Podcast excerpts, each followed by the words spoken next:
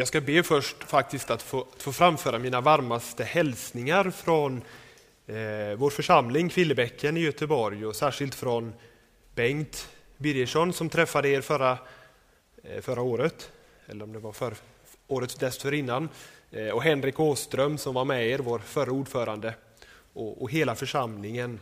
Och, och eh, tack för sist eh, säger vi särskilt till Jan och Gunnar och Johanna, Kersti som var med oss på en bibelhelg i höst. Eh, det hade vi stor glädje utav och eh, bär med oss i minnet.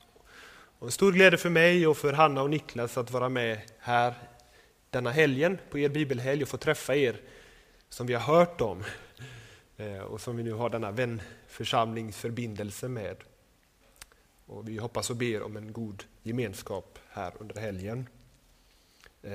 Jag ska också bara få nämna det att att jag, jag arbetar halvtid på, i församlingen och halvtid på, på församlingsfakulteten i Göteborg eh, och bibelskola i Göteborg. Så är det någon som vill veta något om detta så har jag information om det här. Men nu till vårt bibelstudium av Johannes brevets fjärde kapitel som vi har kommit fram till. Och eh, jag, jag, talar ju svenska som ni hör och, och jag, jag, ska inte försöka tala norska. Jag ska försöka tala långsamt och tydligt och hoppas att det kan räcka. Eh, jag kommer läsa texterna ur den svenska folkbibeln. Eh, ni får gärna läsa med i era egna översättelser och kanske se ett och annat som skiljer sig. Det, det kan vara nyanser som kan hjälpa er till en rikare förståelse utav er egen bibeltext. Eh, och så ska vi se vad Johannes vill säga med de här orden till, till sin församling och till Kristi församling i alla tider. Men låt oss då läsa från första Johannesbrevets fjärde kapitel och till börja med de sex första verserna.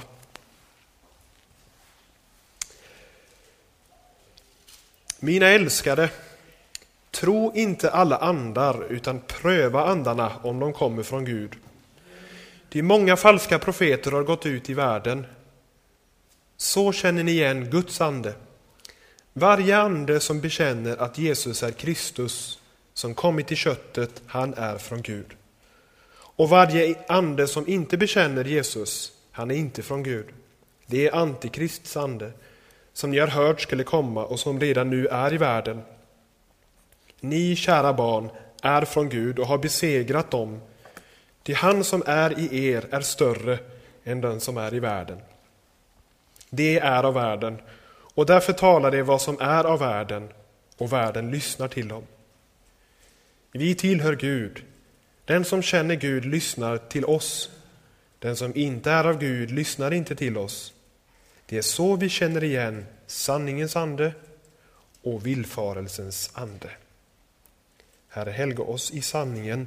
Ditt ord är sanning. Skriv det i våra hjärtan. Amen. Människor har genom alla tider haft en stark fascination för det vi skulle kunna kalla det överandliga. Och det här kan även kristna kännetecknas av. En vilja att komma bort ifrån det här vanliga och naturliga till det andliga och övernaturliga, det översinnliga. Så verkar det ha varit i Johannes dagar och så är det i våra dagar. Inte ett nytt under solen. Och vi riskerar att bli naiva i mötet med det andliga och övernaturliga. Där vi verkar tänka så här, bara vi öppnar fönstret till andevärlden så kommer Guds goda ande att möta oss med en varm famn. Och så inser vi inte det där att i den andliga världen, där är det ett, ett våldsamt krig som utkämpas. Onda andemakter. Allt är inte Gud som glimmar. Allt är inte gott som är andligt. Och då kan det bli så att vår längtan efter andlighet och något övernaturligt blir till slut till en obehaglig överraskning. Såvida vi inte lyssnar till Herrens apostel som sa dessa orden i vers 1. Tro inte alla andar, utan pröva om de kommer från Gud. Nu är det inte upp till oss här att, att, att pröva andar och, och försöka att ta oss fram i, detta andliga, eh, i denna andliga värld och, och avgöra vad som är sant och rätt och från Gud.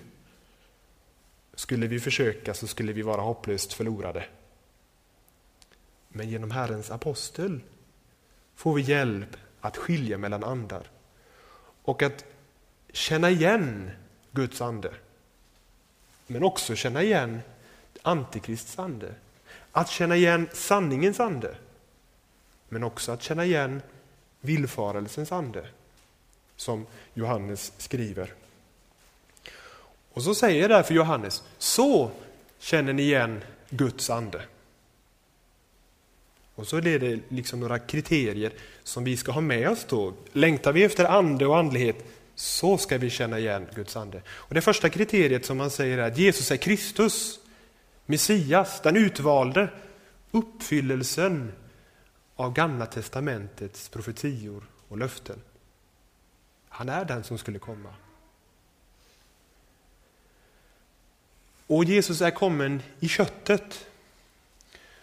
Det har säkert eh, Jan och Henry varit inne på, att Johannes är skrivet i en kontext där man går till motangrepp mot något som kallas för gnosticismen, som föraktade det kötsliga och kroppsliga. Men jag tänker att, att det finns något djupare i det här än att bara polemisera med att säga att Jesus är kommen i köttet. Nämligen att är Jesus kommen i köttet så är han i alla bemärkelser sann människa. Historisk, verklig, kroppslig, så verklig att vi skulle kunna ta i honom.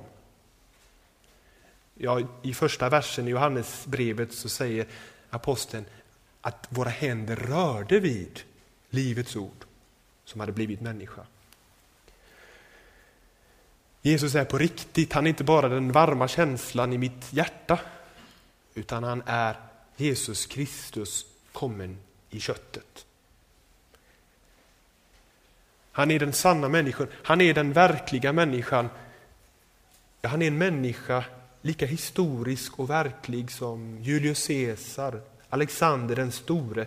Vilket gör att du kan inte förhålla dig neutral till honom. Du kan inte säga jag tar inte ställning för eller emot att han har existerat. Han har. Och därför så blir alltid frågan som Jesus själv ställde. Vem säger ni då att jag är? För jag är, kommer ni köttet och vem är jag? Det fanns i, i Sverige, en, en, eller det finns en historiker i Sverige som på sin blogg, en känd historiker, skrev så här om Jesus som historisk person. Sin slutsats var, med största sannolikhet måste vi säga att Jesus har existerat. Och på bloggkommentarerna sen så var det en, en enastående ilska och frustration över detta påstående. Och vad är det som är så besvärande med att Jesus har existerat? Att han verkligen är kommen i köttet. Så att människor 2000 år senare blir så arga och ilskna. Om inte just följdfrågan vem säger ni då att jag är? Hans anspråk.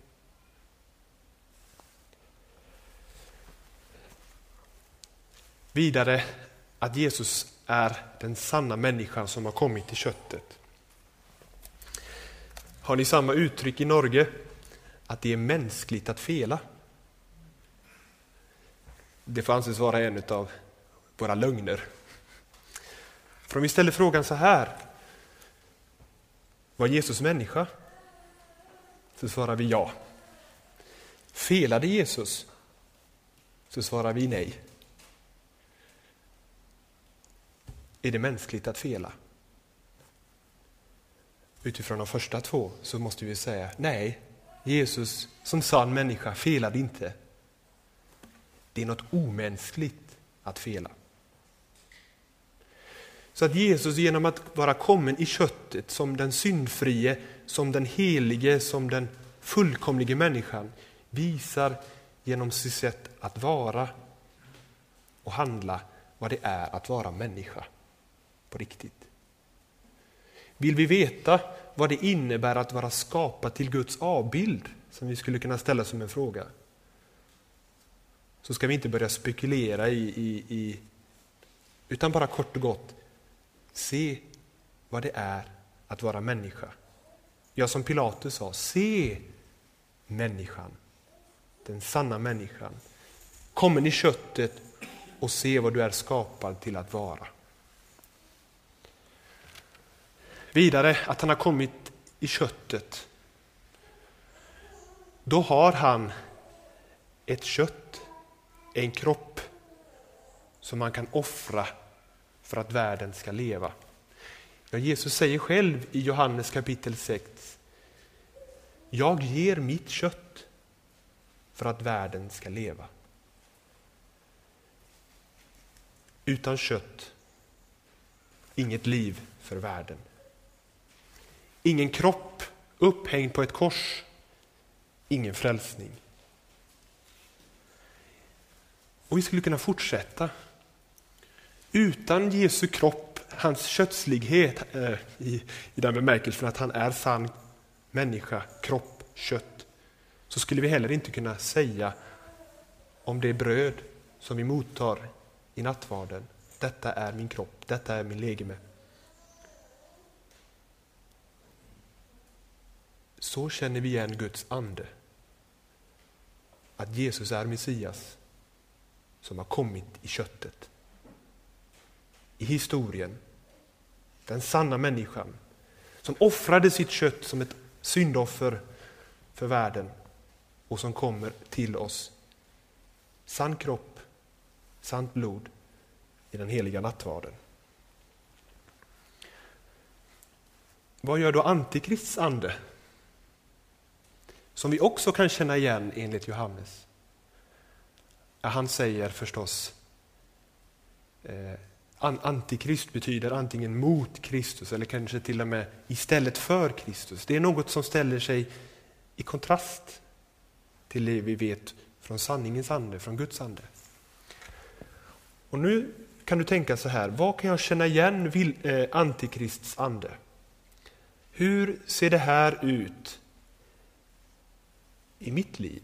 Eller vad tar sig det här uttryck i min värld? Om Guds ande säger att Jesus är Messias så säger förstås Antikrists ande att Jesus inte är Messias. Vem säger att Jesus inte är Messias? Ja, där är Antikrists ande verksam. Jesus är inte en verklig människa i historien. Där du möter det, där möter du Antikrists ande. Och Det finns ju historiker som liksom vill hävda att han aldrig har existerat. Jesus är inte den sanna människan sådan som Guds avbild är skapad till att vara. Utan vi är utlämnade till oss själva att förstå vad det är att vara människa. Jesus är inte det syndoffer som offrats för att världen ska leva. Och Jesus är inte kommen i köttet för att också räcka sin kropp, sin legeme och sitt blod vid nattvarden. Där har du Antikrists ande. Och du kan ana att det möter du i världen. Kanske i kyrkor, kanske bland människor i din närhet. Kanske till och med i ditt eget hjärta. Han är verksam överallt. Och så viktigare då att vi känner igen Antikrists ande och framförallt Guds ande. Lita på Guds ande när Guds ande målar Jesus för oss som Messias som kommer i köttet och som har offrat sitt, off sitt kött för att världen ska leva. Därför blir det förstås mycket viktigare att, att känna igen antikrists ande istället för att tänka det har genom historien varit väldigt populärt att försöka identifiera Antikrist som en person. Och ni som har levat lite längre än jag kommer kanske ihåg att det var väldigt populärt att identifiera Mikhail Gorbatjov som Antikrist. Denne mäktige eh, president som hade liksom ett märke i pannan och sådär.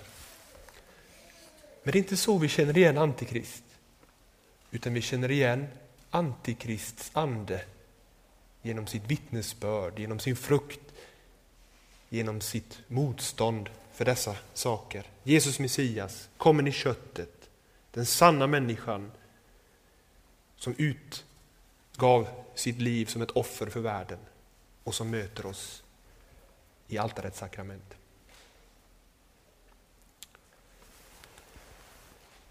Så fortsätter Johannes och fördjupar detta igenkännande av Guds goda ande genom att säga i vers 6. Det är, så, det är så vi känner igen sanningens ande. Och hur känner vi igen sanningens ande? Ja, det går för det första. Och då säger han Den som känner Gud lyssna till oss. Det är så vi känner igen sanningens ande. Och den som inte är av Gud lyssnar inte till oss. Så känner vi igen villfarelsens ande. De lyssnar till oss. Vilka är oss? Då tänker jag att det är de, och endast de, som Jesus själv har valt ut för att lyssnas på. Tänk på de tolv som Jesus utvalde till att vara med honom, till att följa honom, till att lyssna på honom, till att på nytt lyssna på honom, till att tillrättavisas av honom, till att fostras av honom.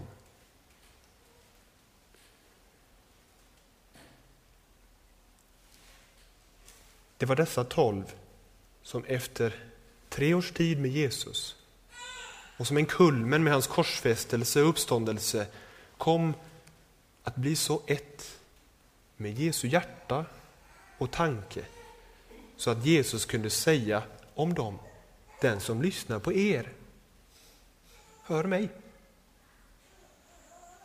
Det var själva meningen med att utvälja dessa tolv för att de så skulle präglas och fostras att han kunde lämna evangeliet, riket, åt dem och endast till dem.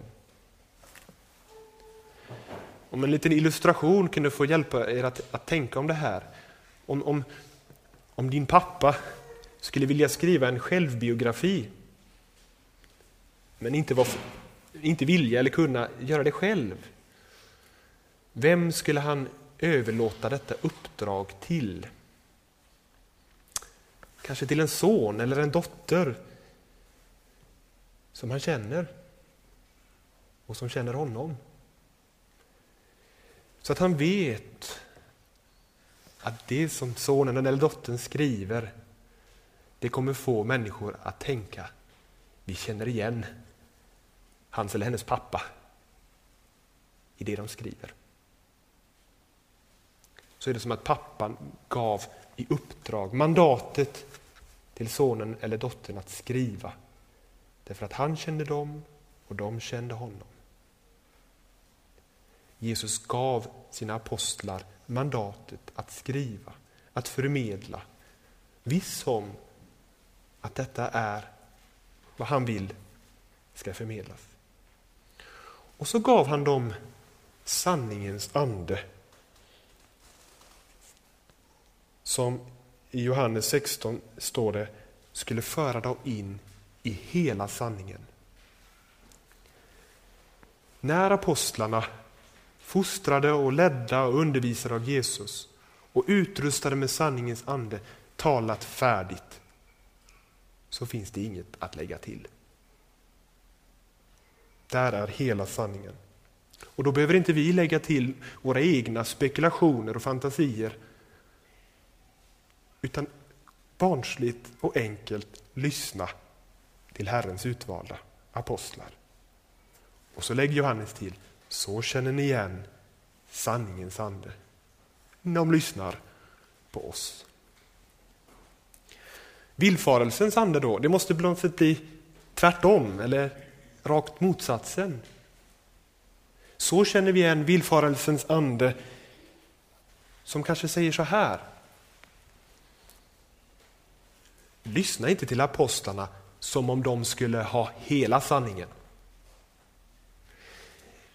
I Svenska kyrkan nu för tiden är det väldigt populärt att, att säga så här, Gud är större.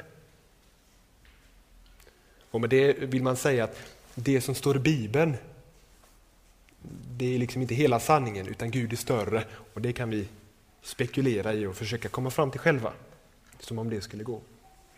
Det blir ju bara en avgud av det där. Men ändå, här är villfarelsens ande. Lyssna inte till apostlarna som om de hade hela sanningen. Eller villfarelsens ande som försöker att förvanska, dra bort, förvränga det apostlarna talar.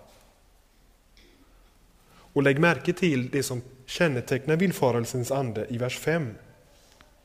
De är av världen, därför talar de vad som är av världen och världen lyssnar till dem. Det finns något av det här att världen faktiskt vill lyssna till dem.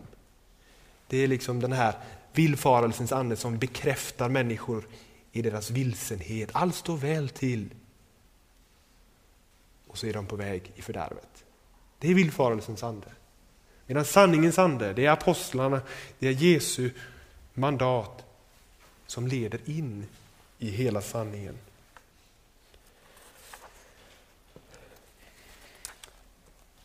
Villfarelsens ande, antikrists ande, den tar Jesus ifrån oss. Det är på något sätt kännetecknet. Sanningens ande förhärligar Jesus. Villfarelsens och antikrists ande tar honom ifrån oss. Ja, antikrist, kom ihåg vad ordet betyder. Mot Kristus istället för Kristus.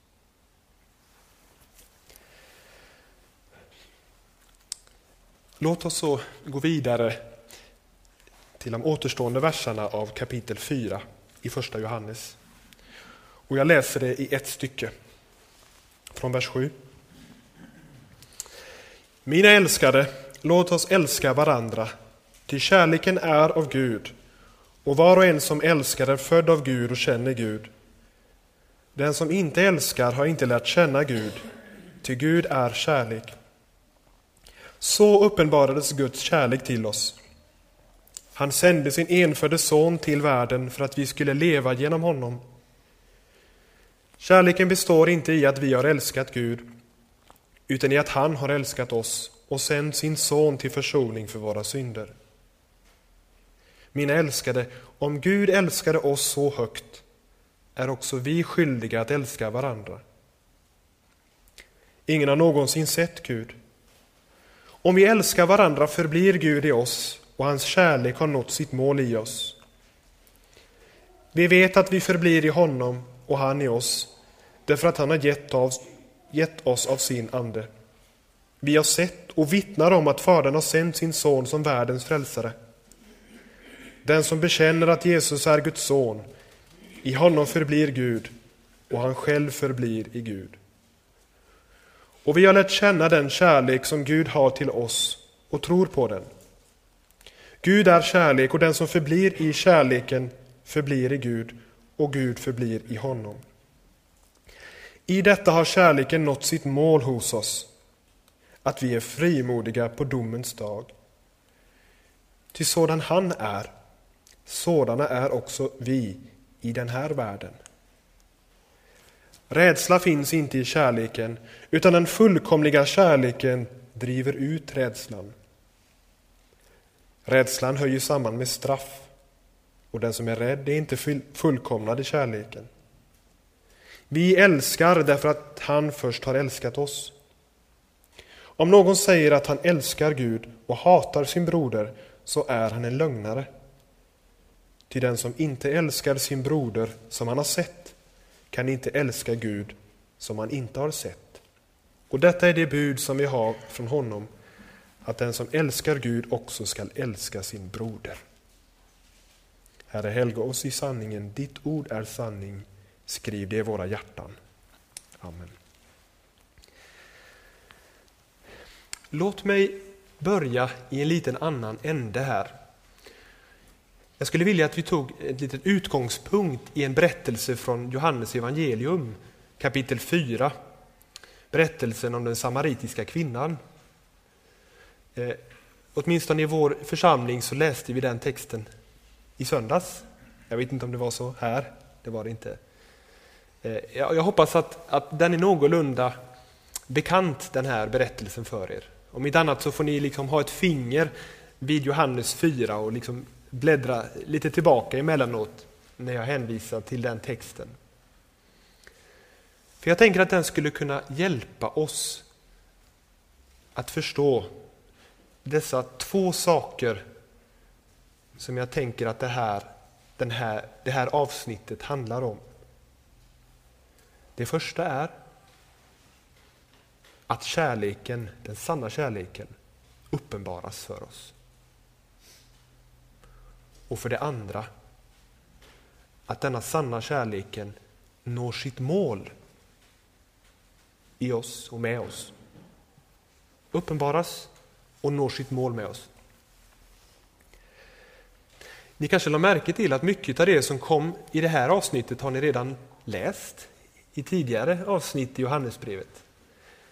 Om ni jämför det här med Romarbrevet så är det på något sätt Paulus har han går steg för steg, kapitel 1, 2 och så här i en, i en linjär, eh, i en, i en rak linje. Medan Johannes han är som ett cirkelresonemang så här, kommer tillbaka, fördjupar, fortsätter, kommer tillbaka, lägger till något nytt. Mera meditativt eller fördjupande. Idistlande, förstår ni det ordet? Eh, ja. Tygedröv, säger man till. Som djuren gör. Komma tillbaka, tugga lite till, hämta något nytt ur den näring som finns. Det är Johannes. Om vi då dessutom tänker att det är samma författare, Johannes, till Johannes evangelium, så kommer ni också tänk, kunna tänka så här att det han skriver här i Johannes fjärde kapitel behöver inte vara så annorlunda från det han skriver här i Johannes brevets fjärde kapitel. Efter syndafallet så är det som att människan lämnats, och det är orsakat av henne själv, med ett gapande hål, ett svart hål i sitt inre. Det är Guds herravälde i människans hjärta. Alla har syndat och saknar härligheten från Gud, skriver Paulus. Vi är på flykt från honom. Tomrummet är efter honom. Och vi flyr från honom. Det är ungefär som det lilla barnet som har gjort något fel och som nu är så rädd för konsekvenserna. Om ni kommer ihåg från när ni var barn och hur ni kunde känna när ni var skyldiga till något. Det är en flykt.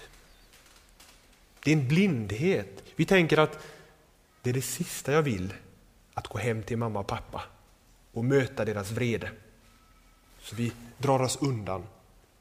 Det är den värsta plats vi kan vara hos mamma och pappa. Och det är som en törst som man försöker släcka med havsvatten. Vi flyr från hemmet och så försöker vi ha roligt med våra lekkamrater. Men innerst inne gnager den där oron. Vad händer när jag kommer hem, när jag måste hem och möta dem? Och där borta hemifrån är det som att vi står törstande längtande efter frid och gemenskap med honom. Men vi, vi ser inte att det är där lösningen ligger, i att vända åter. Så vi drar oss undan. Augustinus sa en gång så här, du Herre har skapat mig till dig och mitt hjärta är oroligt till dess du finner ro i dig. Och det säger ju Augustinus med facit i hand. När Guds ande upplyst hans inre mörker, avslöjat hans synd, hans flykt från Gud och visat på Guds förbarmande i Kristus. Ja, då kan jag säga, jag var så orolig tills du nådde mig med frälsningens bud. Vi saknar det som Gud är. Och man skulle kanske kunna säga att vi längtar efter det, fast inte på ett sådant sätt att vi förstår det eller tror att det är det vi behöver.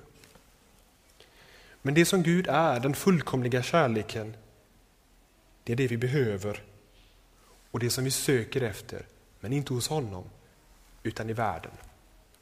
Vi försöker att fylla tomrummet efter Gud med hjälp av vad helst som kommer i vår värld. Och det som vi försöker fylla det inre tomrummet med blir vår Gud, vår avgud. Profeten Jeremia skriver i kapitel 2, vers 13. Mitt folk har begått en dubbel synd. De har övergett mig, källan med det levande vattnet och gjort sig usla brunnar som inte håller vatten. Det är nu vi ska vända till berättelsen om den samariska, samaritiska kvinnan. Hon törstade efter livets vatten. Det kunde vi förstå när berättelsen var färdig. Att det var det hon törstade efter. Men det insåg hon inte till att börja med. När Jesus säger att om du visste vem du talade med så skulle jag ge dig levande vatten. Sånt där vatten som gör att du inte längre kommer att törsta. Aldrig i evighet kommer att törsta. Och när han står där framför henne, vad gör hon? Här står han, det levande vattnet, han som hon saknar i sitt inre. Hon börjar med att förakta honom. Ta upp den här striden mellan samarier och judar. Vi talar inte med varandra. Och så fortsätter samtalet. Försöker hon försvara sig, dölja vem hon egentligen är. Och när Jesus försöker att föra henne närmare sanningen om henne själv och om sig själv, om Jesus själv, så försöker hon byta samtalsämne. Det här är människan på flykt undan den fullkomliga kärleken. Frakt, försvar av det egna, bortförklaringarna, byta samtalsämne. Den fullkomliga kärleken är också den fullkomliga sanningen, den besvärande sanningen. Och hon fruktar den besvärande sanningen. Och så är det med oss människor. Jesus visste att denna kvinna hade byggt en usel brunn som hindrade henne från källan med det levande vattnet. Och för att hon ska nå fram till källan med det levande vattnet så måste han riva ner sten för sten av hennes usla brunn. Vad var hennes avgud? Vad var det hon längtade efter som hon sökte på fel plats? Vad var det för en usel brunn som Jesus avslöjade för henne? Hon sa till, honom, till henne, gå och hämta din man. Vilken man? Fem män hade hon haft. Och där avslöjas hennes usla brunn. Hon söker det som Gud är, den fullkomliga kärleken. Och så tror hon att män ska ge henne det hon behöver och längtar efter.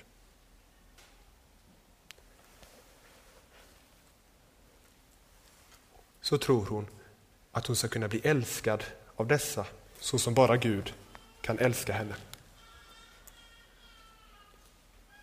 Och hur många har inte hoppats på att en livskamrat ska släcka törsten?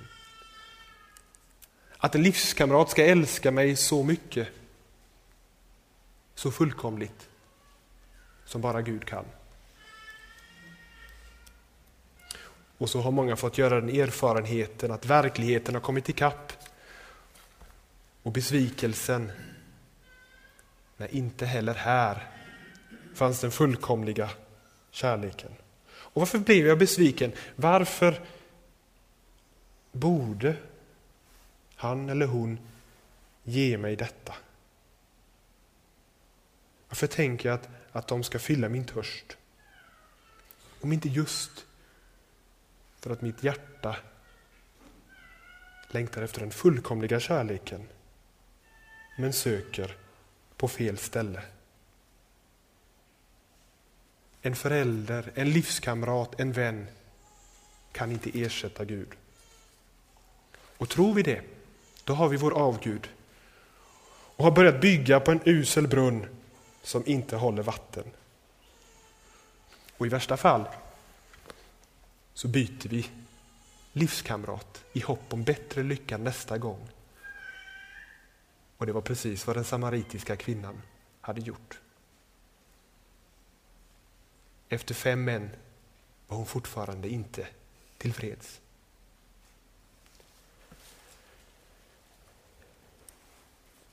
Endast Gud som möter oss i Kristus kan göra oss tillfreds på djupet. Alla har syndat och saknar härligheten från Gud, skriver Paulus. Endast Gud kan göra syndens problem om intet och ge tillbaka härligheten som vi saknar. Och med detta lilla preludium så ska vi gå till texten. I vers 9. Så uppenbarades Guds kärlek till oss. Han sände sin enfödde son till världen för att vi skulle leva genom honom. Hon hade aldrig mött kärleken. Nu uppenbaras för första gången kärleken för henne när hon möter Guds son som kommit till världen för att världen skulle leva genom honom.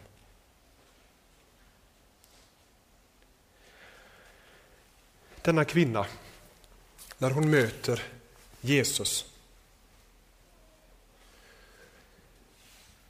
så möter hon Guds härlighet, denna fruktansvärda Guds härlighet, om ni tänker på Gamla testamentet, som nu är dold i Kristus. Dold på ett sådant sätt att Jesus, sann Gud, liksom kan möta henne så att hon inte omedelbart flyr. Hon gör det med sina ord, genom sina försvar och sina bortförklaringar. Men Jesus får fortsätta att tala till henne. Och så börjar det gå upp för henne att Jesus avslöjar hennes falska Gud och står fortfarande kvar och förkastar henne inte som så många andra hade förkastat henne när de fick veta sanningen om henne. Tänk vilken skam hon måste levt sina dagar i. Och människors förakt. Här har vi en man som talar om sanningen för henne och som inte förkastar, föraktar, utan står kvar. Jag tror hon märker att till skillnad från alla dessa människor som hon sökt sitt hopp till så står han kvar med barmhärtighet. Och han är inte bara full av sanning, utan nåd. Som Johannes har sagt, han var full av nåd och sanning. Och jag tänker att denna kvinna för första gången lever på riktigt. Så uppenbarades Guds kärlek att han sände sin son i världen för att vi skulle leva genom honom. Och Johannes fortsätter i vers 10. Kärleken består inte i att vi har älskat Gud, utan i att han har älskat oss och sänt sin son till försoning för våra synder. Den här kvinnan, hon hade inte älskat Gud. Hon kände inte Gud. Men Gud kände henne. Kändes vid henne. Sökte upp henne. Och liksom hämtade upp också hennes arma, trasiga liv. Alla hennes synder hämtade han upp och gjorde till sina för att genom sin död försona också detta. Och så märker kvinnan att min synd, som är min skam, som är min vanära bland mina vänner och bland mina medmänniskor, det är inte längre min skam. För han som är Messias förkastar mig inte. Det vet hon förstås inte då, men hon ska senare förstå att han liksom tagit hennes synd på sig och försonat henne med Gud. Tagit bort det. För första gången möter hon fullkomlig kärlek på riktigt. Och hon upplever att här möts min törst med vatten som släcker törsten. Hon förstod nu precis vad Jesus menade med att man blir inte törstig igen. Hon är inte längre rädd för vad den bistra sanningen ska göra med henne. Kommer ni ihåg vad hon sprang och sa när hon sprang till sin by där hon bodde? Kom och se en man som har sagt mig allt jag har gjort. Det är ju ett märkligt vittnesbörd. Det här är en kvinna som inte är rädd för sanningen. För Guds fruktansvärda härlighet som strålar fram i Kristi vänliga ansikte. Johannes här i kapitel 4 skriver i vers 14. Vi har sett och vittnar om att Fadern har sänt sin son som världens frälsare. Och kommer ni ihåg i denna samaritiska kvinnans liv och i byn där hon bodde, när Jesus hade fått talat färdigt med henne om hela byn, så sa de till kvinnan, nu förstår vi, eller nu vet vi, inte bara genom vad du har sagt, utan vad han har sagt, att han är världens frälsare. Och i vers 16 här i kapitel 4. Vi har lärt känna den kärlek som Gud har till oss och tror på den. Tror ni att kvinnan trodde på det hon såg och mötte? Det är den kärlek som Gud har till henne som hon möter och hon tror på den. Så till vers 17 i kapitel 4. I detta har, kärle har kärleken nått sitt mål hos oss, att vi är frimodiga på domens dag. Ty sådan han är, sådana är också vi i den här världen. Det som den här samaritiska kvinnan fick erfara och uppleva när Jesus hade talat till punkt. Det är det som vi också skulle uppleva på domens dag. När sanningen om oss inte längre är ett hot mot oss. Även om sanningen om oss är både hemsk och omfattande. Det här är jag med min stora, stora synd och med min ännu större frälsare. Ja, min skuld har egentligen aldrig varit min skuld. Den var hans när Johannes döparen vittnade och sade Se Guds lam som tar bort världens synd. Så är vi frimodiga på domens dag. Sanningen om oss hotar oss inte eftersom sanningen om honom gör oss fria. Och lägg märke till formuleringen i vers 17. Ty sådana han är, ty sådan han är, sådana är också vi i den här världen. Och Det här är förstås en sanning som vi inte kan erfara eller känna eller tänka på när vi ser på våra egna liv, utan något som vi bara kan omfamna i tro. Kan det vara möjligt? Jag är ju inte som Jesus är. Jag kanske ska bli det en gång i himlen. Och det är sant. Men Johannes lägger till, men sådan är du här i världen. Nu. Det kan man bara tro.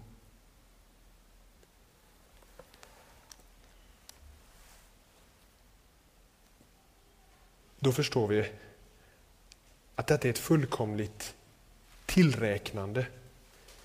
Kristi rättfärdighet som övertäcker mig så till den grad att Johannes säger sådan Jesus är, sådan är också vi i den här världen. Inte som en långsam process, det blir mer och mer, utan som ett konstaterande. Och så som de säger i Finland, simul justus et pekka. Ja, jag är syndare. Men i Guds ögon sådan som Jesus är. Redan här i världen.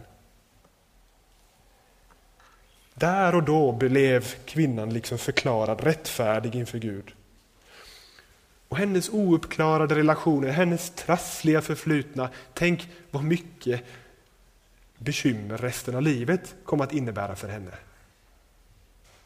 Det var inte längre hennes att bära, utan hans som hade mött henne och löst henne från sina bojor.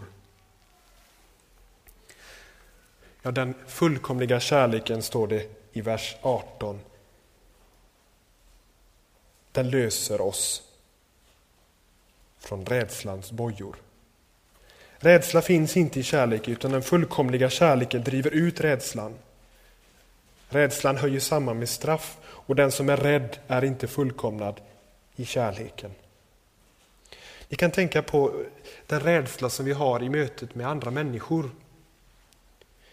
Ni kan tänka på denna kvinna, säkert bar hon på en djup rädsla efter så många misslyckade relationer. Rädsla över att bli avvisad, lämnad ensam, föraktad.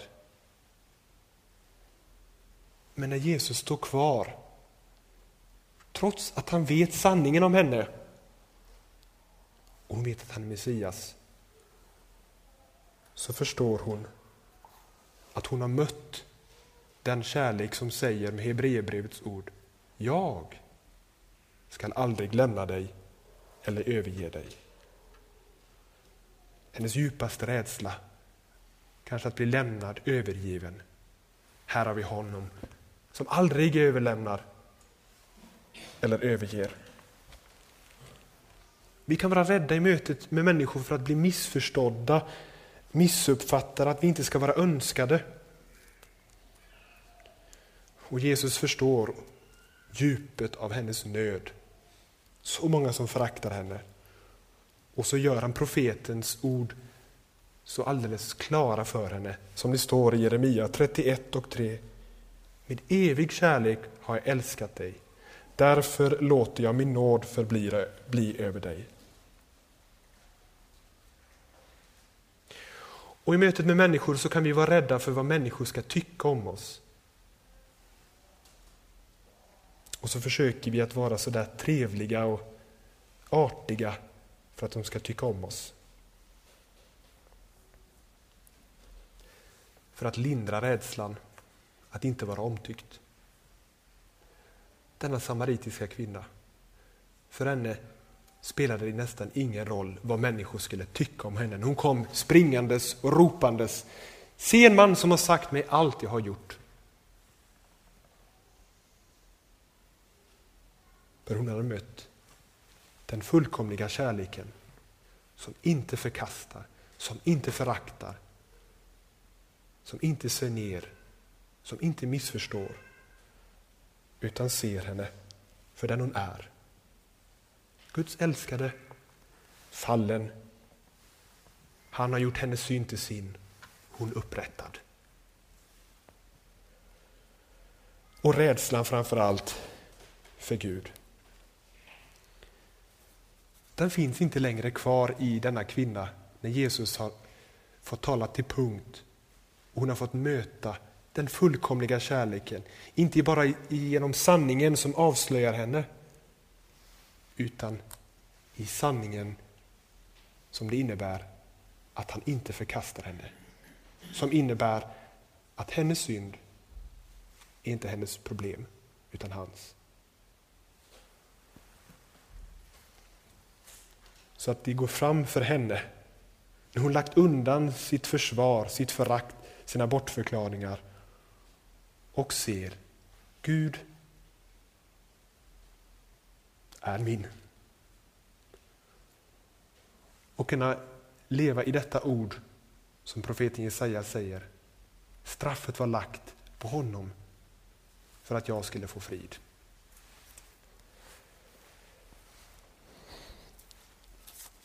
Avslutningsvis. Så uppenbaras Guds kärlek till oss.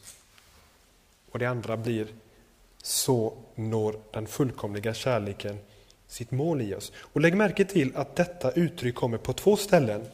Det första är i vers 17. I detta har kärleken nått sitt mål hos oss, att vi är frimodiga på domens dag. Det har vi talat om. Och det står också i vers 12.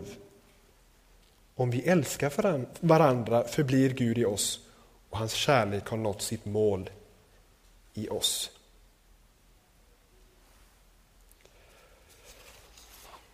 det är också en viktig sak. Det blir på någon sida själva konsekvensen av när jag har mött honom som är den fullkomliga kärleken, som vi läser om i vers 18, som driver ut rädslan, så blir det det som fyller igen det där svarta hålet i mitt inre. Ni vet ett svart hål som liksom suger åt sig och är, är så inåtvänd och, och som alltid söker det, eget, det egna. När Kristi kärlek får täppa igen detta svarta hål, då kan vi lyfta blicken och se de andra. Vi blir inte så upptagna med vad andra ska tänka och tycka om oss, därför att Gud i Kristus älskar oss, förlåter oss, upprättar oss, dör för oss, lever för oss. När vi har fått detta tomrum fyllt i oss kan vi se de andra så som Gud ser på dem. Och det har också med Guds mål. Guds mål nås i oss när vi ser på andra så som Gud ser på dem. Lägg märke till formuleringen i vers 12. Ingen har någonsin sett Gud. Varför lägger Johannes in detta här? Och så fortsätter han. Om vi älskar varandra förblir Gud i oss. Genom Kristus uppenbaras Gud och genom kristnas kärlek uppenbaras Gud. Om vi älskar förblir Gud i oss. Så att det blir Gud som de andra människorna ser. När de ser vår kärlek, liksom som det blir en liten, liten, liten glimt av den fullkomliga kärleken som vi själva har sett, så kan de få upptäcka något av den kärlek som Gud har till oss.